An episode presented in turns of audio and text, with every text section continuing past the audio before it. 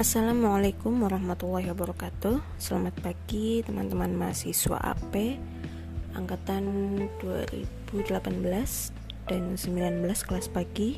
Semoga semua selalu dalam keadaan sehat walafiat. Kita bertemu lagi di mata kuliah Ekonomi Politik pertemuan ke-6 Iya, pagi ini kita akan membahas mengenai uh, peran negara dan swasta dalam pengelolaan sektor publik yaitu dimulai dari uh, sejarah badan usaha milik negara atau BUMN. Jadi kita akan membahas BUMN juga tentang privatisasi. Badan usaha milik negara atau BUMN adalah salah satu badan dari pemerintahan yang penting dalam upaya memenuhi hajat hidup orang banyak. Dan sebagai salah satu agen pembangunan, BUMN memiliki peran penting dalam menghasilkan barang dan jasa yang diperlukan masyarakat dalam rangka mewujudkan kemakmuran masyarakat. Karena pada masa mendatang peran ini akan semakin meningkat peningkatan ini e, bisa dilihat dari perubahan status BUMN dan peningkatan status ini sebagai unit yang dapat berfungsi secara komersial. Pada pasal 33 ayat 2 dan 3 secara jelas menerangkan bahwa cabang-cabang produksi yang penting yang menguasai hajat hidup orang banyak serta bumi, air, dan kekayaan yang terkandung di dalamnya dikuasai oleh negara dan digunakan untuk sebesar-besarnya kemakmuran rakyat. Jadi dalam kalimat tersebut secara jelas negara Indonesia memosisikan diri sebagai negara kesejahteraan atau welfare state. Nah, sejak Indonesia merdeka, fungsi dan peranan perusahaan negara sudah menjadi perdebatan di kalangan founding fathers, terutama pada kata dikuasai oleh negara. Ya, di pasal tadi kan disebutkan kalau Eh, cabang-cabang uh, produksi yang penting yang menguasai hidup hajat orang banyak itu dikuasai oleh negara. Nah, kata-kata dikuasai oleh negara ini menjadi sebuah perdebatan di kalangan founding fathers, di mana Bung Karno menafsirkan bahwa karena kondisi perekonomian masih lemah pasca kemerdekaan, negara harus e, menguasai sebagian besar bidang usaha yang dapat menstimulasi kegiatan ekonomi. Namun di sisi lain Bung Hatta tidak sependapat dan memandang bahwa negara itu hanya cukup menguasai perusahaan yang menguasai kebutuhan pokok masyarakat, yaitu seperti listrik dan juga transportasi. Jadi pandangan Bung Hatta ini kemudian lebih sesuai dengan paham ekonomi modern, di mana posisi negara hanya cukup menyediakan infrastruktur yang mendukung proses pembangunan. Tujuan mendirikan perusahaan negara dan nasionalisasi menurut Bung Karno ini adalah e, sebagai mendorong perekonomian nasional, terutama perusahaan negara yang bergerak dalam bidang infrastruktur. Jadi sederetan perusahaan Belanda itu dinasionalisasi seperti PT KAI, lalu ada PT Pos, PT Garuda Indonesia Airways, dan e, pada akhir pemerintahan Soekarno sempat mendirikan perusahaan negara telekomunikasi. Namun memang e, sebagian perusahaan yang dinasionalisasi tersebut oleh pemerintahan banyak merugikan negara karena akhirnya Belanda sudah terlebih dahulu mengalihkan aset perusahaannya ke Belanda. Namun e, perusahaan vital dan strategi akhirnya menjadi jati diri bangsa. Lalu kita masuk ke filosofi pengelolaan barang dan jasa kebutuhan publik. Pelayanan publik atau pelayanan umum itu berkaitan dengan penyediaan uh, upaya penyediaan barang publik atau jasa publik dapat dipahami dengan menggunakan uh, beberapa pengertian tentang macam barang atau jasa, yaitu yang pertama ada barang atau jasa privat yaitu barang atau jasa yang tingkat eksklusivitasnya itu dan keterhabisannya sangat tinggi. Contoh, pakaian atau uh, jasa tukang pijat, jasa uh, dokter misalkan yang dapat dibagi-bagi untuk beberapa pengguna. Kemudian tidak tersedia lagi untuk orang lain jika telah dibeli oleh beberapa pengguna. Lalu ada barang atau jasa publik, yaitu barang atau jasa yang tingkat eksklusivitas dan keterhabisannya sangat rendah. Contohnya, penerangan jalan, keamanan, atau kenyamanan lingkungan juga misalkan yang tidak dapat dibatasi penggunaannya. Tapi meskipun tidak dibatasi, penggunaannya juga tidak habis meskipun telah dinikmati oleh banyak pengguna. Yang ketiga, peralatan publik atau e, barang atau jasa semi publik, yaitu barang atau jasa yang tingkat eksklusivitasnya tinggi, tapi tingkat e, keterhabisannya rendah. Contohnya jalan tol atau jembatan. Di mana kedua benda tersebut tetap masih dapat dipakai oleh pengguna lain setelah dipakai oleh seorang pengguna, tetapi memungkinkan untuk dilakukan penarikan biaya kepada setiap pengguna. Jadi kalau kita lewat jalan tol, misalkan salah satu dari kita naik jalan tol, lewat jalan tol, itu yang lain tetap bisa menggunakan ya kan bukan berarti kita sudah sudah ada kalau sudah ada satu orang pakai jalan tol oh berarti yang lain tidak bisa kan tidak seperti itu tapi memang e, memungkinkan untuk dilakukan penarikan biaya kepada setiap pengguna lalu yang keempat barang atau jasa milik bersama yaitu barang atau jasa yang tingkat eksklusivitasnya rendah tapi tingkat keterhabisannya itu tinggi.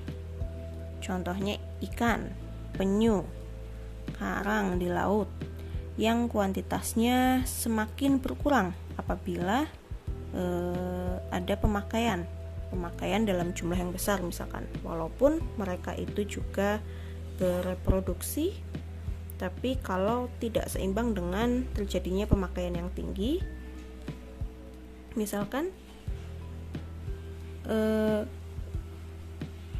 kuantitasnya atau jumlahnya tetap akan berkurang. Tapi tidak dimungkinkan untuk dilakukan penarikan biaya secara langsung kepada orang yang menikmatinya kecuali misal kita beli di warung makan ikan lalu kita bayar itu beda lagi ya itu kan membayar jasa nah itu tadi eh, tentang macam-macam barang atau jasa Lalu bagaimana pengelolaan barang jasa dan publik? Jadi barang publik itu bisa diketahui sebagai barang yang apabila dikonsumsi oleh individu tidak akan habis untuk individu lainnya. Dan barang publik yang disediakan pemerintah merupakan barang milik pemerintah yang dibiayai melalui anggaran belanja negara.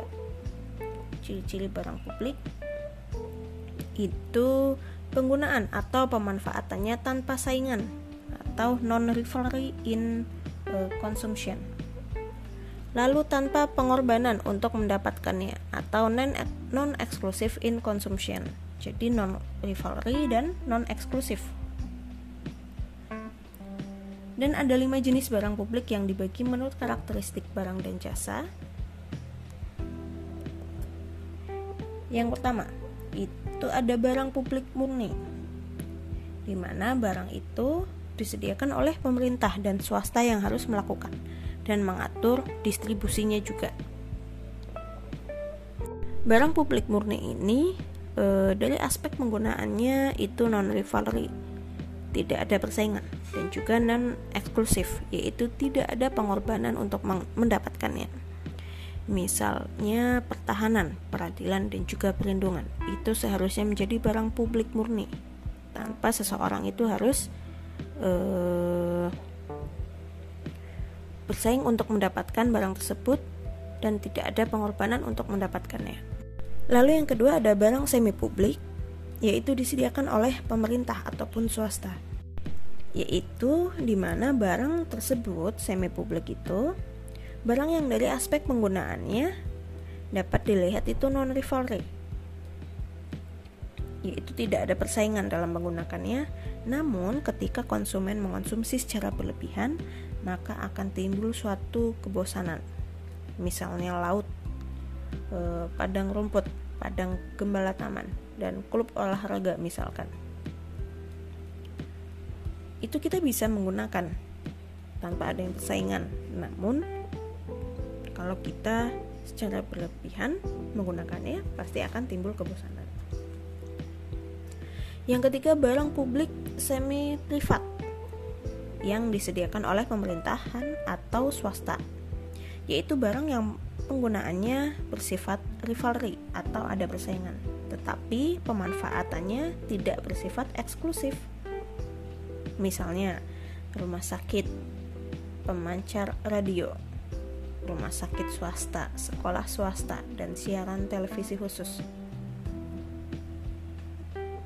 itu uh, tidak ada saingan dalam menggunakan tapi kita harus uh, harus ada pengorbanan yang dilakukan yaitu membayar lebih misalkan kalau di rumah sakit swasta. Lalu yang keempat adalah barang privat yang disediakan oleh swasta murni yaitu barang yang sifatnya rivalry. Ada persaingan dalam penggunaan atau dalam konsumsi dan juga sifatnya eksklusif yaitu adanya pengorbanan untuk mendapatkannya misalnya mobil, pakaian, juga kesehatan untuk orang miskin misalkan. Itu mereka bersaing untuk e, mendapatkan dan juga ada pengorbanan untuk mendapatkannya. Makanya kadang sulit terjangkau pada akhirnya. Lalu yang kelima barang merit. Barang ini sebenarnya seharusnya negara berkewajiban untuk memenuhinya yaitu komoditas atau jasa yang menjadi kebutuhan individu atau masyarakat tanpa berkaitan dengan kemampuan untuk membayar ataupun kemauan untuk membayar. Jadi di luar orang itu mampu atau mau untuk membayar, eh, harusnya itu negara berkewajiban memenuhi karena menjadi kebutuhan individu atau masyarakat. Misalnya tempat tinggal untuk orang miskin, pendidikan, dan juga kesehatan. Kesehatan ini seharusnya e, tanpa orang itu e, mampu atau mau membayar, di luar itu semua seharusnya kesehatan menjadi barang yang seharusnya disediakan oleh negara, dipenuhi oleh negara. Itu tadi lima jenis barang publik yang dibagi menurut karakteristiknya. Lalu selanjutnya kita akan membahas tentang privatisasi barang publik dan semi publik. Apa sih itu privatisasi? E, banyak definisi sebenarnya ya dari para ilmuwan, dari para tokoh tentang istilah privatisasi. Ada beberapa yang saya tuliskan, yaitu dari Kai dan Thompson, yang menjelaskan bahwa privatisasi merupakan terminologi yang mencakup perubahan hubungan antara pemerintah dan sektor swasta. Lalu menurut Safas, privatisasi sebagai tindakan mengurangi peran pemerintah atau meningkatkan peran swasta, khususnya dalam aktivitas yang menyangkut kepemilikan atas aset-aset. Nah, dari dua ini eh, dapat disimpulkan kalau privasi itu adalah penyerahan pengendalian secara efektif dari suatu perusahaan milik pemerintah kepada uh, swasta yang diikuti oleh pengalihan kepemilikan saham mayoritas pemerintah kepada swasta. Jadi intinya eh, aset yang sebelumnya dikuasai oleh negara menjadi milik swasta. Dan ini ada di undang-undang ya, Undang-Undang Nomor 19 Tahun 2003 tentang BUMN, yaitu penjualan saham persero baik sebagian maupun sepenuhnya kepada pihak lain dalam rangka meningkatkan kinerja dan nilai perusahaan, memperbesar manfaat bagi negara dan masyarakat, serta memperluas pemilikan saham oleh masyarakat. Lalu apa itu tujuan privatisasi? Kebijakan privatisasi ini sebenarnya ditujukan untuk berbagai aspek harapan dilihat dari aspek keuangan, pembenahan internal manajemen tentang jasa dan organisasi, dan juga ekonomi dan politik. Nah, di sini saya tuliskan uh, berbagai uh, privatisasi, tujuan privatisasi dari perspektif kebijakan publik dan juga dari perspektif ekonomi.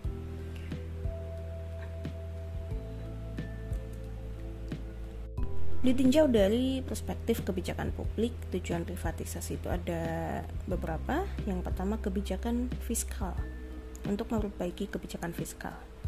Kenapa? Karena pemerintah mengalami kesulitan dalam merencanakan anggaran belanja dan pendapatan masing-masing BUMN yang selama ini dibiayai pemerintah. Lalu tujuan yang kedua adalah demokratisasi kepemilikan.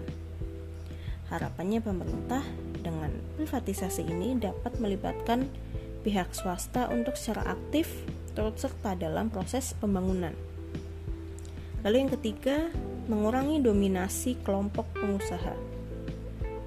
Jadi privatisasi ini diharapkan akan mampu mengurangi dominasi pasar yang selama ini dikuasai pengusaha atau beberapa lembaga yang ditunjuk oleh pemerintah. Lalu yang keempat, menghapus sosialisme dan kolektivisme yaitu untuk mengurangi dominasi pemerintah terhadap publik. Sedangkan dari perspektif ekonomi, tujuannya yang pertama adalah privatisasi ini uh, untuk kebebasan ekonomi dan kepentingan konsumen. Di mana dengan adanya privatisasi harapannya akan mampu membuka kesempatan ekonomi yang lebih baik kepada pihak swasta sehingga pihak swasta itu dapat memberikan layanan publik yang terjangkau oleh pelanggan. Dan kedua meningkatkan efisiensi di mana perusahaan publik secara relatif menunjukkan kinerja yang lebih buruk jika dibandingkan dengan perusahaan swasta dalam posisi kompetisi serta penggunaan modal dan tenaga kerja yang kurang efisien dan juga kurang menguntungkan. Dan di luar e, perspektif kebijakan dan juga ekonomi tadi, sebenarnya dalam e, segi politik pun ada beberapa tujuan e, privatisasi Misalkan yang pertama untuk mengendalikan kekuatan asosiasi atau perkumpulan bidang usaha bisnis tertentu dan memperbaiki pasar tenaga kerja agar lebih fleksibel. Lalu selanjutnya untuk meningkatkan kemandirian juga e, memperoleh dukungan politik dengan memenuhi permintaan industri dan sebagainya. Nah, lalu bagaimana kebijakan privatisasi di Indonesia? Dalam PP nomor 33 tahun 2005 tentang tata cara privatisasi perusahaan perseroan. Privatisasi dilaksanakan berdasarkan pemikiran yang menyejajarkan peran strategis BUMN dengan kemajuan ekonomi nasional. Pengurusan dan pengawasannya harus dilakukan berdasarkan prinsip-prinsip tata kelola perusahaan yang baik atau good corporate governance. Eh, sedangkan peningkatan produktivitas dan efisiensi melalui langkah-langkah restrukturasi dan privatisasi. Jadi eh, ini adanya privatisasi juga sebagai salah satu cara eh, sebagai salah satu cara untuk mencapai kemajuan ekonomi nasional. Apalagi tadi BUMN juga disebut sebagai salah satu agen e, pembangunan ekonomi. Dan disebutkan melalui langkah-langkah restrukturasi dan juga privatisasi. Restrukturasi itu apa sih? Yaitu kegiatan yang digunakan untuk melakukan perbaikan eh, yang tujuan akhirnya adalah memperbaiki kinerja suatu usaha yang dijalankan, baik pers, eh, perseorangan maupun perusahaan. Jadi kegiatannya itu meliputi eh, penataan kembali untuk bentuk badan usaha, kegiatan usaha, organisasi, manajemen dan juga keuangan.